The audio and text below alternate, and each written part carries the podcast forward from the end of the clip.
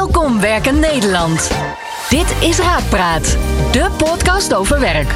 Andreas Bouwman van Raakpersoneel stelt een werkexpert rake vragen over solliciteren, salaris, carrière, promotie, collega's, werkplezier en andere werkgerelateerde zaken.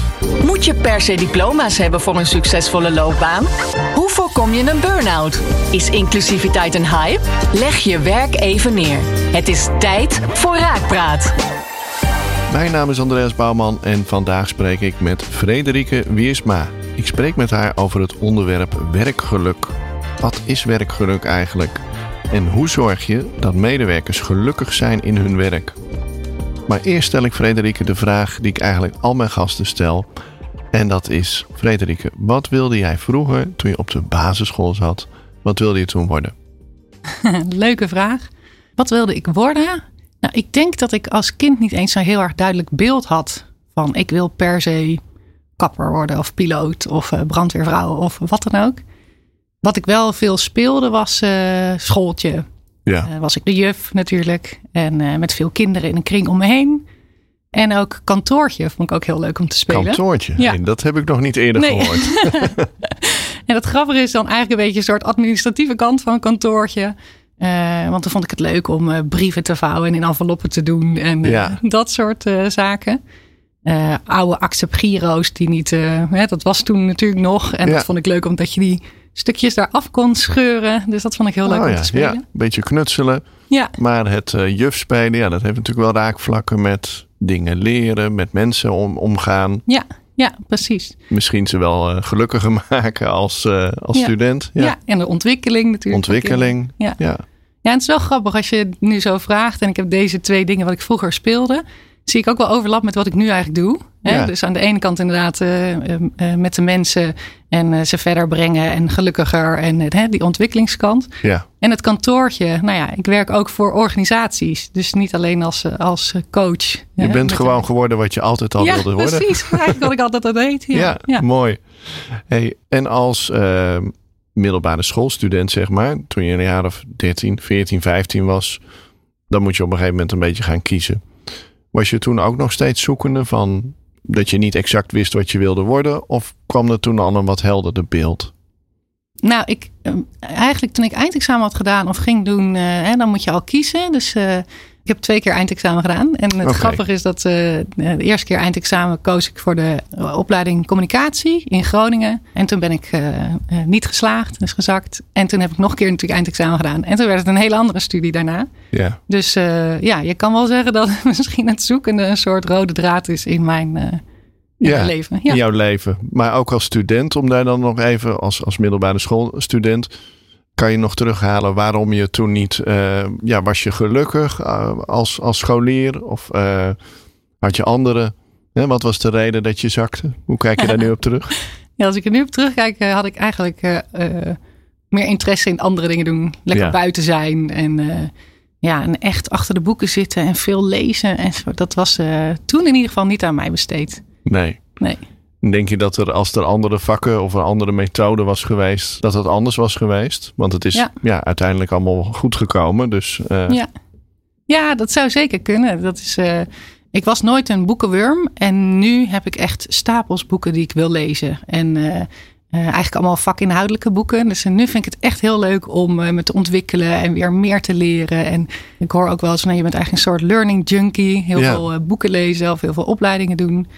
Ja. Ja. ja, dat had ik vroeger niet en nu wel. Ja, dat, ik denk dat dat heel erg te maken heeft met uh, dat je dan een echte interesse hebt gevonden en ergens op focust en ergens voor gaat. Een intrinsieke motivatie. Je doet het Ja. natuurlijk ook nu omdat je het zelf wil en vroeger niet. Ja, ik uh, heb exact hetzelfde gehad. Ik was bijvoorbeeld Nederlands, vond ik echt heel vreselijk op de middelbare school. Ja. En later ben ik copywriter geworden. Dus ja, het kan gek gaan Ja. uh, in het leven. Ja, nou ja, dat is een Ehm, mooie ervaring toch? Dat, Maar dat heeft met intrinsieke motivatie inderdaad uh, te maken. Ja.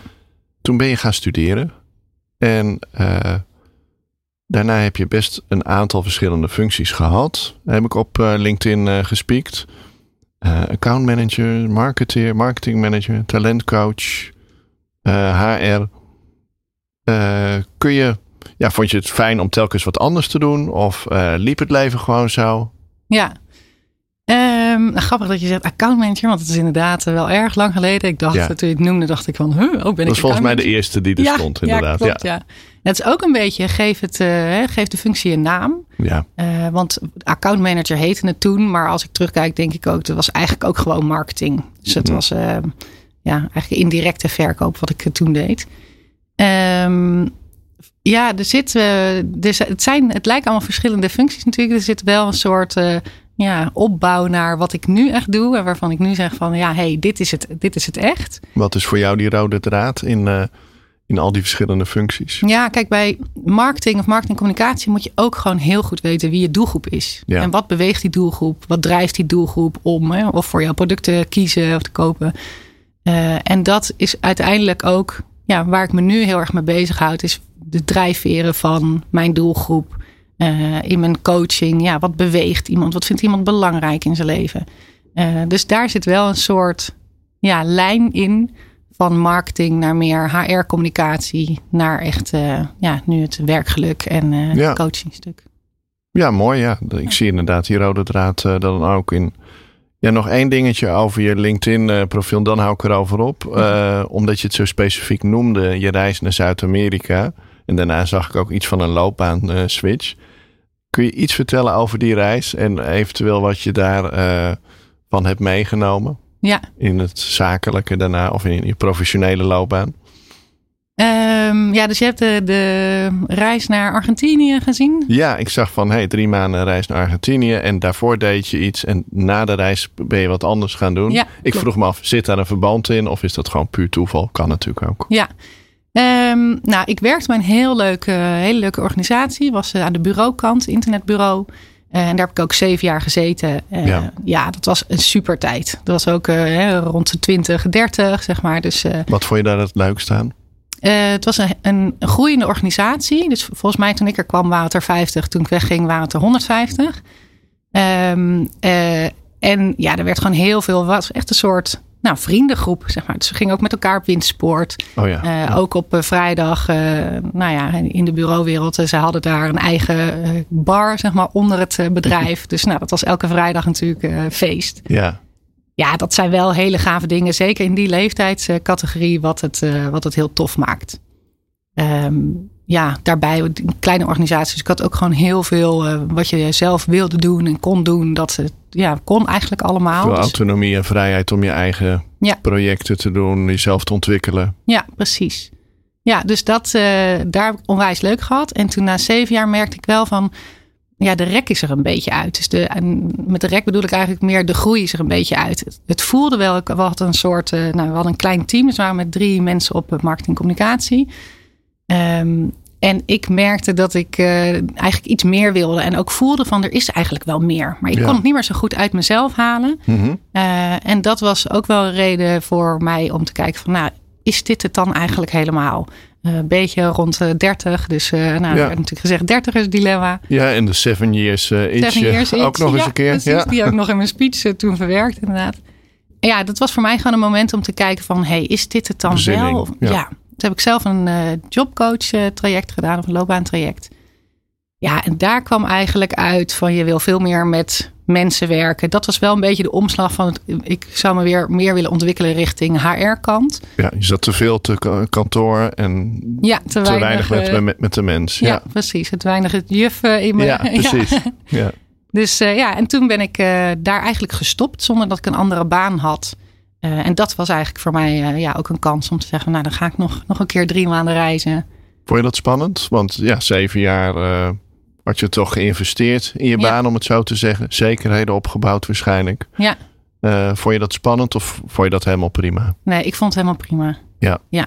Maar het heeft misschien ook ja, met een vertrouwen te maken van, uh, uh, ja, ik vind wel echt weer iets wat bij mij past. En uh, ja, ik kan echt wel weer een baan vinden. Was dat gegroeid in die periode of had je dat vertrouwen altijd al?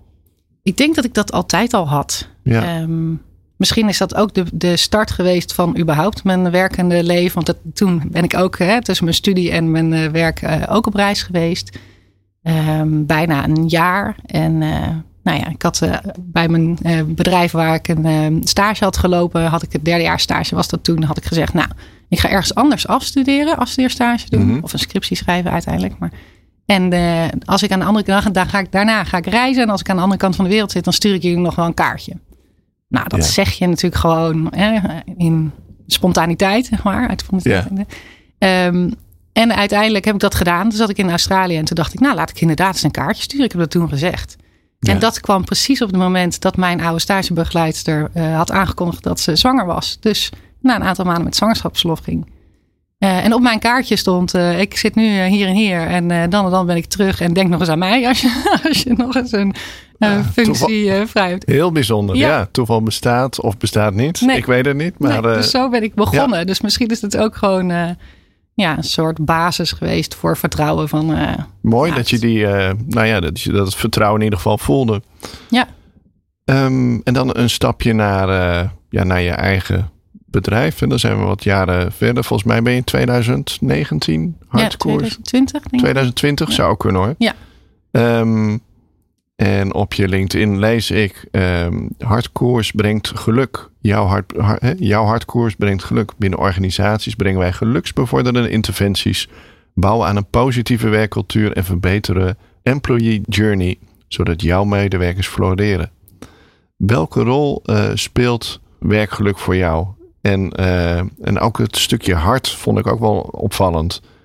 Speelt je hart ook een rol in werkgeluk? Ja, want het cliché luidt natuurlijk van ja, je moet je hart altijd volgen. Je hebt dat met je reis, heb je dat ook een, uh, in de praktijk uitgevoerd. Ja. Is dat altijd een goed idee of moet je er altijd naar luisteren? Hoe zie je dat? Nou, ik vind het wel een goed idee om in ieder geval uh, je hart mee te laten wegen, zeg maar. En we zijn dat eigenlijk niet meer zo gewend. Dus we zijn uh, ja, in deze maatschappij is het toch heel erg op ratio gericht. En ik denk dat het goed is om, en dat er ook wel een beetje een beweging daarnaar komt, om wat meer stil te staan bij hè, de informatie die je hart eigenlijk geeft. En dat is heel vaak als je, wat men natuurlijk ook zegt, blijf dicht bij je hart of volg je hart. Mhm. uh, diep in je hart, als je daar tijd voor neemt om daarbij stil te staan, van hé, hey, wat wil ik eigenlijk echt graag? Wat voel ik daarbij? En die informatie komt uit je hart. Je hart is een enorme nou, bron van energie, zeg maar. En uh, zelfs nog een sterkere energie dan, uh, dan je brein. Uh, en je hart en je brein werken sowieso natuurlijk samen. Dus um, ja, je hart geeft seintjes zonder dat je het zelf weet aan je brein. En je brein maakt er uiteindelijk een bewuste keuze over. Ja, mooi gezegd inderdaad. En ik hoor je ook een paar keer zeggen van ja, je moet stilstaan, bewust zijn. misschien wel vertragen. Hoe doe je dat als je in een red race zit van, van snel uh, werken, deadlines halen en van alles en nog wat doen. Ja. Wat zeg jij tegen iemand die nu um, nou, een aantal jaar ergens werkt en het gevoel heeft dat hij geleefd wordt en daar, die vraag zichzelf misschien helemaal niet stelt? Nee. Um, nou, het, het is wel zo zeg maar dat we, we zitten in de red race en we doen het zelf eigenlijk. Dus we doen onszelf dat ook aan. Ja. Uh, en dat ligt heel erg aan, uh, ook in wat voor omgeving zit je, maar ook hoe, hoe ga je daar zelf mee om? Um, ik vind het persoonlijk zelf heel fijn om deadlines te hebben. En ik denk dat er heel veel mensen dat, uh, ja, dat dat voor mensen fijn is. Hè? Je merkt ook wel als je op vakantie gaat en je hebt een deadline, dan kan je in die weken daarvoor opeens heel veel afmaken. Maar we kunnen niet continu door blijven gaan. Nee. dus er is gewoon een, een balans tussen ergens vol voor gaan en dan ook weer herstellen. Maar ik hoor je ook een beetje zeggen van je moet dus ook, hè, je bent zelf de regisseur van je eigen leven. Je, moet zelf ook de regie pakken. Ja. In de zin van, uh, ja, jij bent verantwoordelijk voor of jij nog wel lekker voelt of niet. Ja. In je baan. Ja, daar ben je zelf verantwoordelijk voor. Maar ik vind dat werkgevers daar ook een verantwoordelijkheid uh, in hebben. Uh, juist ook omdat het gewoon super belangrijk is dat als mensen eventjes weer herstellen, ze daarna juist weer goed kunnen presteren. Ja. Dus voor beide, voor de mens en voor de organisaties, is dat op de lange termijn echt veel waardevoller. Snap ik. Voordat we daar uh, verder op inzoomen, ja, wou ik je eigenlijk vragen van die definitie van werkgeluk. Hè? Ja, dat is misschien ook een beetje een containerbegrip. Um, en wij zijn veel bezig met vitaliteit, duurzame inzetbaarheid. Daar heeft het volgens mij ook raakvlakken mee. Hoe ja. definieer jij het zelf, werkgeluk? Nou, werkelijk voor mij persoonlijk is uh, ja, dat gevoel dat je wel eens kan hebben, wat ik wel eens heb op vrijdag, dat ik denk, oh, het is al vijf uur en mijn weekend gaat starten, maar ik ben zo lekker bezig. Nou moet ik eigenlijk hè, het weekend wachten ja. uh, tot ik maandag weer verder kan. Uh, dat gevoel, nou, als ik erover heb, dan voel ik al van hè, dus die, dat er energie vrijkomt en dat je die twinkels in je oog hebt, dat je er echt gewoon lekker in zit. Uh, maar werkelijk gaat gewoon heel erg over dat je plezier hebt in wat je doet en met de mensen met wie je werkt. Uh, en dat je er voldoening uit haalt. Dus ook je talenten kan inzetten. Ja. Uh, en dat je het gevoel hebt dat je ja, betekenisvol bent. Dus dat je toegevoegde waarde kan bieden. Ja, dat zijn heldere aspecten inderdaad. En als ik dan me toespits op de mensen met wie je samenwerkt. Hè, zijn er mensen geweest, of misschien nu nog steeds wel, die jou behoorlijk hebben beïnvloed, op een, die jouw werkgeluk op een positieve manier hebben beïnvloed. Een leidinggevende of juist iemand, een collega of een opdrachtgever. Um, want volgens als ik jou goed hoor, dan zijn ja, de mensen met wie je samenwerkt wel heel belangrijk voor hoe je werkgeluk ervaart. Ja, precies. Ja, de band, de verbondenheid tussen collega's en de verbondenheid met jezelf ook, maar de verbondenheid ook met de organisatie is ook een, uh, ja, echt een aspect wat heel belangrijk is. Wat je nu ook hè, veel hoort, zeker na coronatijd. Hoe houden we mensen nog verbonden? En, uh, ja. Maar zeker die uh, relatie met collega's is vaak ook een, nou ja, een van de, de toponderdelen wat men noemt van waarom heb je het leuk op je werk. Ja, en ook als je het even negatief omdraait. Kijk, ik werk zelf bij raakpersoneel waar mensen bemiddelen. Dat mensen vaak als mensen weggaan, wat nummer één reden is van ja, ik kon niet goed opschieten met mijn directe leidinggevende. Ja. Ik vond het geen leuk team. Dat zijn wel heel veel genoemde aspecten ook. Ja, dat klopt, ja. En um, uh, ja, even terugkomend op je vraag. Want je zei, zijn er mensen die uh, in organisaties geweest of bij opdrachtgevers die heel veel werkgeluk hebben gegeven? Nou, inderdaad, mensen in het team ook veel. maar het zijn ook wel de, de, inderdaad de leidinggevenden geweest of de opdrachtgevers ja, die je toch snel een soort carte blanche geven. Dus een echt vertrouwen. hoeft niet per se carte blanche trouwens te zijn. Maar dat is, daarachter zit van het vertrouwen van ga jij dit maar doen. En we vertrouwen erop dat, dat, uh, ja, dat je de goede stappen neemt. Heb je daar nog een concreet voorbeeld in je hoofd? Dan als je daar dan denkt van ja, die leidinggever die heeft mij toen vertrouwen gegeven. Ja, kun je dat nog concreter uh, met een praktisch voorbeeld uh, Um, ja, misschien bij een van mijn laatste opdrachtgevers, of eigenlijk een opdrachtgever waar ik nog steeds uh, zit. Uh, daar ben ik gestart uh, in een interimrol, interne communicatie. En dat zou voor een maand of drie, vier zijn ter vervanging van iemand. Um, nou, dat werd langer en langer eigenlijk. Er was er zoveel te doen in de organisatie. dat er ook gewoon superveel kansen te grijpen zijn.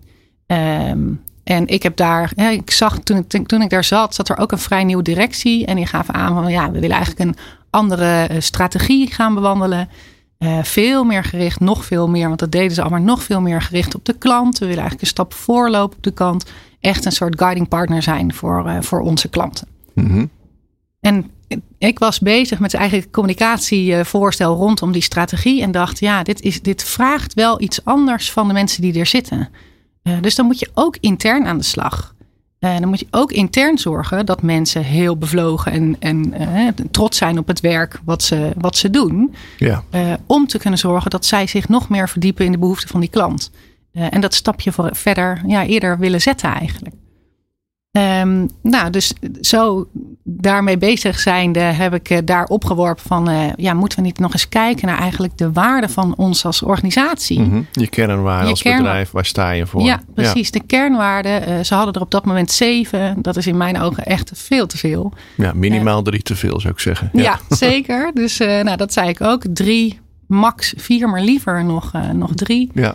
Um, nou, daar, daar zagen ze wel wat in. Dat, uh, dat was het juiste moment. En uh, uh, ja, ik heb het eigenlijk geopperd. Het lijkt mij ook fantastisch om te doen. Omdat ik ook het beeld had van dat gaan we met de mensen ook weer doen. Dus ik ga de mensen van de organisatie er echt bij betrekken. Maar dat had je voor Dien nog nooit gedaan, als ik je goed beluister. jawel, jawel. Dat, oh, ja, heb ik ook bij een andere organisatie inderdaad gedaan. Vanuit de rol employer branding. Mm -hmm. ook echt een hele nieuwe positionering als werkgever bij die organisatie. En daar zijn we ook gestart met van oké, maar wie zijn we als organisatie? Wat is nou onze identiteit? En laten we eens kijken. hoe heb je die boven water gekregen?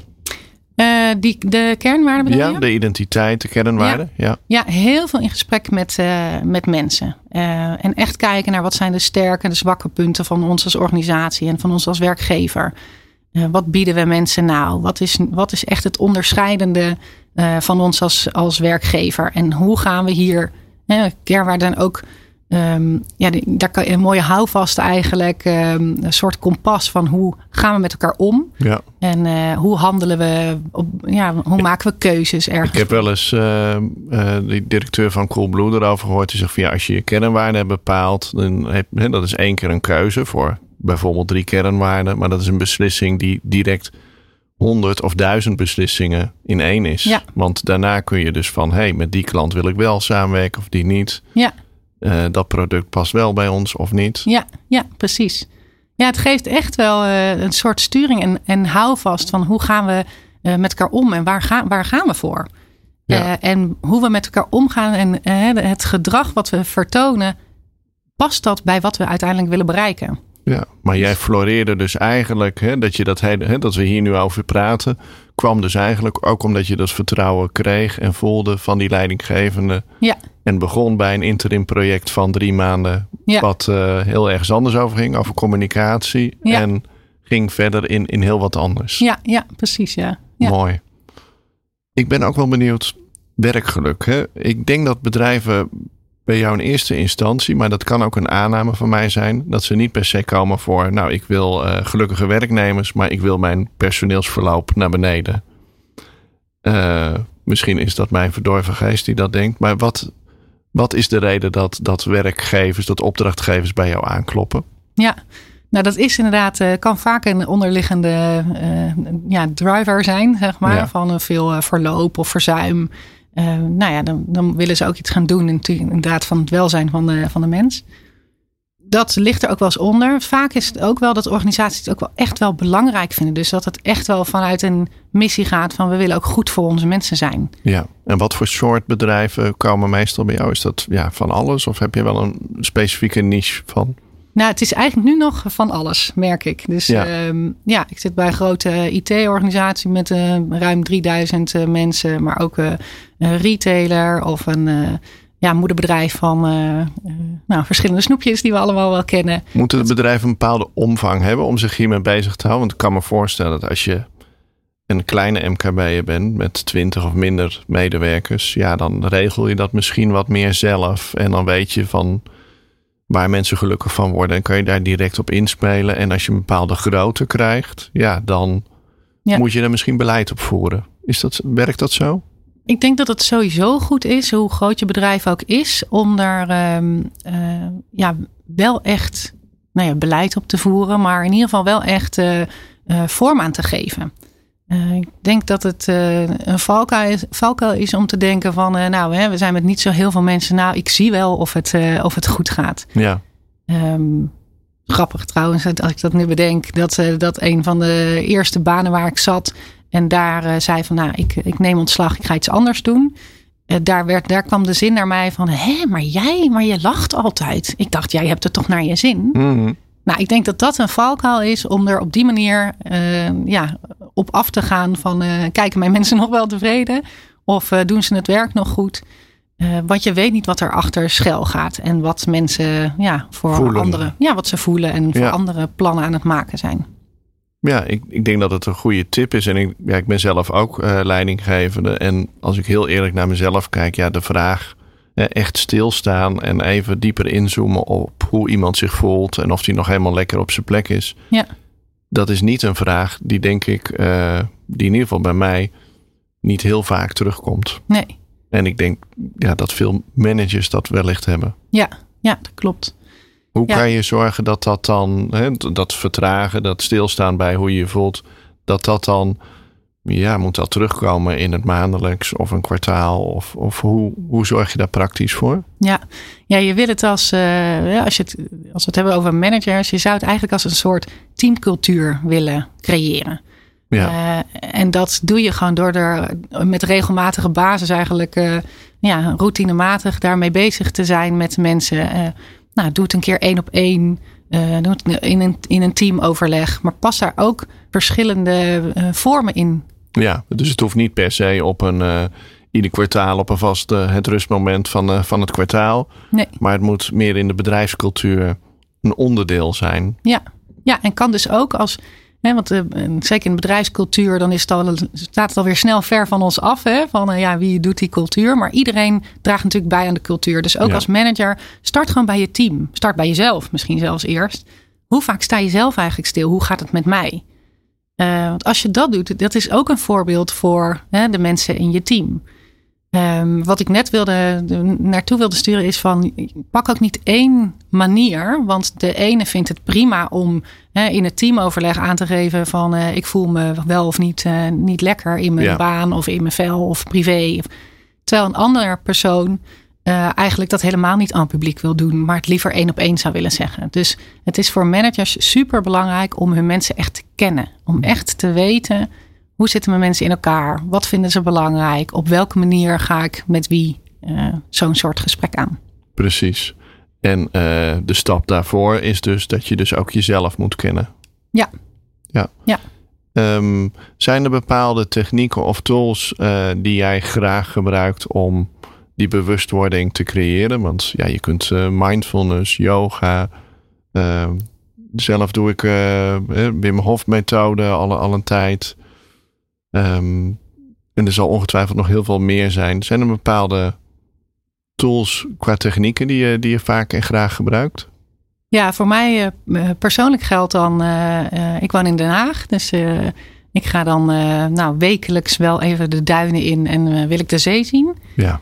Uh, nou ben ik, wat ik net al zei, toch ook een beetje een learning junkie. Dus het liefst uh, loop ik met een podcast uh, op mijn oren. Maar ik weet ook dat dat niet echt werkt als, je, werkt als je het hebt ook over ontspanning of je eigen hè, reflectie en mindful zijn. Nee, herkenbaar. Ja, ja dus wat ik doe is als ik van huis naar, het, naar de duinen loop, dat stuk, dat is toch door, zijn door de straten. Dan mag ik een podcast luisteren. En zodra okay. ik in de duinen ben, dan gaat hij uit. Want dan geniet ik echt van de stilte en, en de rust.